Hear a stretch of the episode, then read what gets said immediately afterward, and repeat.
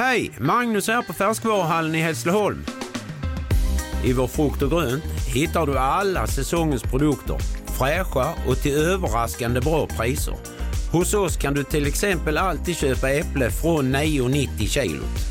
Och hör du, om du inte har besökt oss på Färskvaruhallen, så gör det nu! Hallå där, det är jag som är Lotta Bromé och det här är ett inslag från Halv tre med Lotta Bromé på Mix Megapol.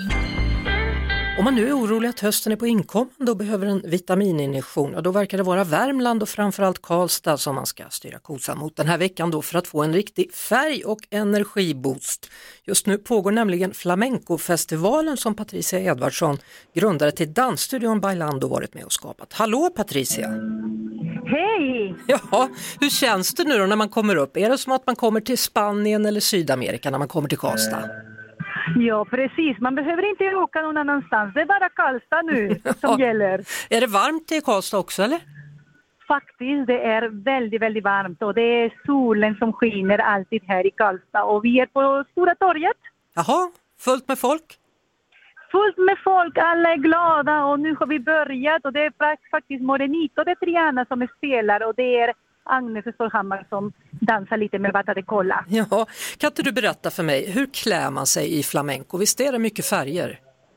Det beror på. Man kan klä sig också i svart om man har en sån där dans som är lite mer um, sorgfull. Men uh, visst, man kan ha också glada klänningar och speciellt till folkloriska danser när det gäller regionala danser som sevillana, när man dansar i festivaler, då är det väldigt mycket prickar och blommor och mm. glada färger. Ni tar också flamencon med från Stora torget i Karlstad där festivalen utgår till bland annat Sunne och även in på äldreboenden i Karlstad. Berätta, hur går det till? Ja, vi åkte till uh, Sunne uh, igår och vi möttes av uh, otroligt glada människor, barn och ungdomar och vuxna som var där och tittade. Så det kändes otroligt roligt att kunna åka eh, bortom Karlstad.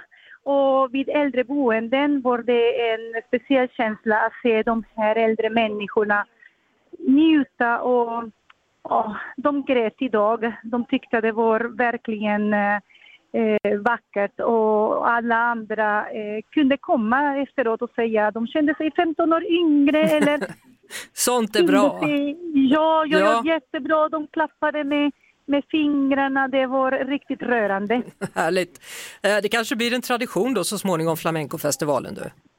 Det hoppas jag verkligen. Det är mm. alla värmlänningar som får avgöra om de tycker att det här blir bra. Det tror jag de tycker. Patricia, du är en riktig glädjespridare. Stort tack för att du var med i Halv tre.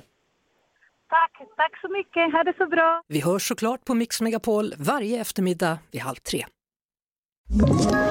Ett poddtips från Podplay. I podden Något Kaiko garanterar östgötarna Brutti och jag, Davva, dig en stor dos skratt. Där följer jag pladask för köttätandet igen. Man är lite som en jävla vampyr. Man har fått lite blodsmak och då måste man ha mer. Udda spaningar, fängslande anekdoter och en och annan arg rant.